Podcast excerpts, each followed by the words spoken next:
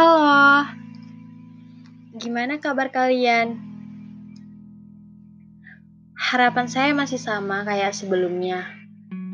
Kalau saya berharap kalian dalam keadaan baik dan bahagia. Tapi balik lagi ke kalian semua.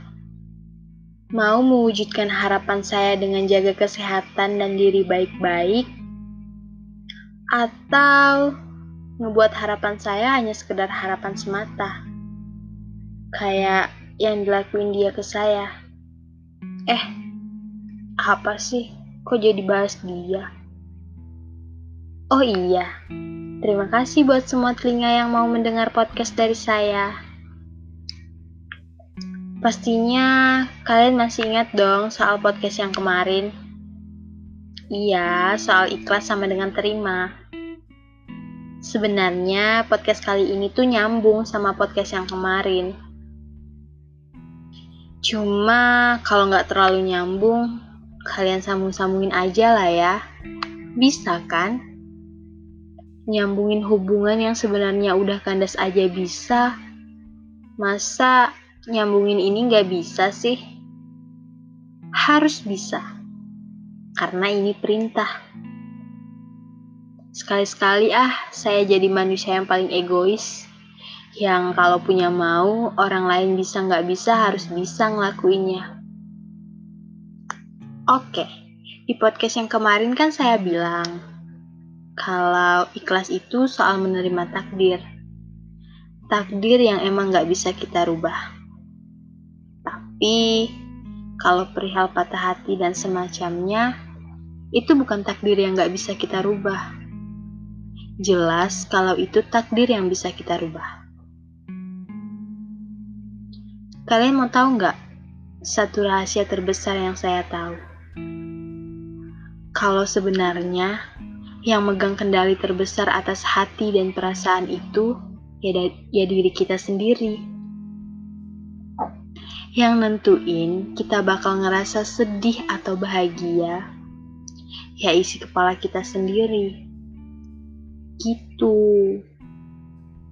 Oh iya, jangan bilang siapa-siapa karena ini rahasia kita.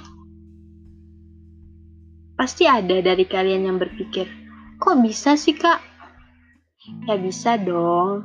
Gini ya, saya kasih contoh. Misalnya nih, kamu habis dikecewain sama seseorang. Eh, Gini aja deh, yang sering terjadi aja ya contohnya. Kamu lagi PDKT sama seseorang, terus udah ngerasa nyaman, eh tahu-taunya ditinggal. Belum sempat jadian, dianya malah deket sama orang baru lagi.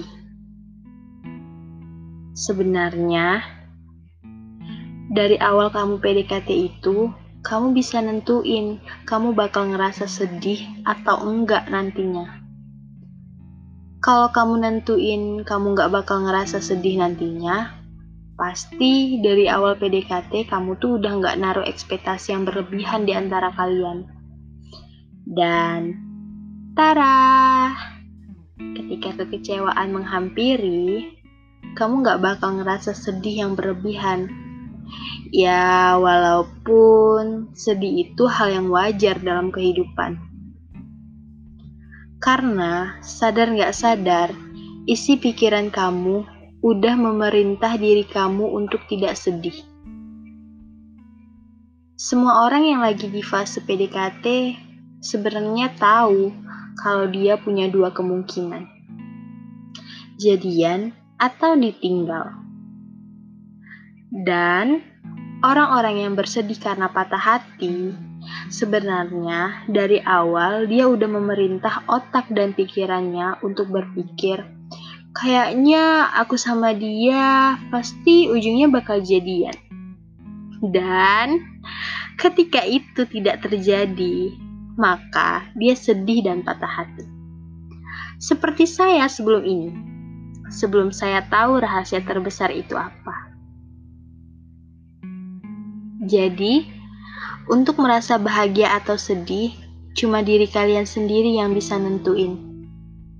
Dan hidup bukan perihal selalu bahagia, tapi terkadang kita perlu merasa sedih untuk mengerti arti bahagia.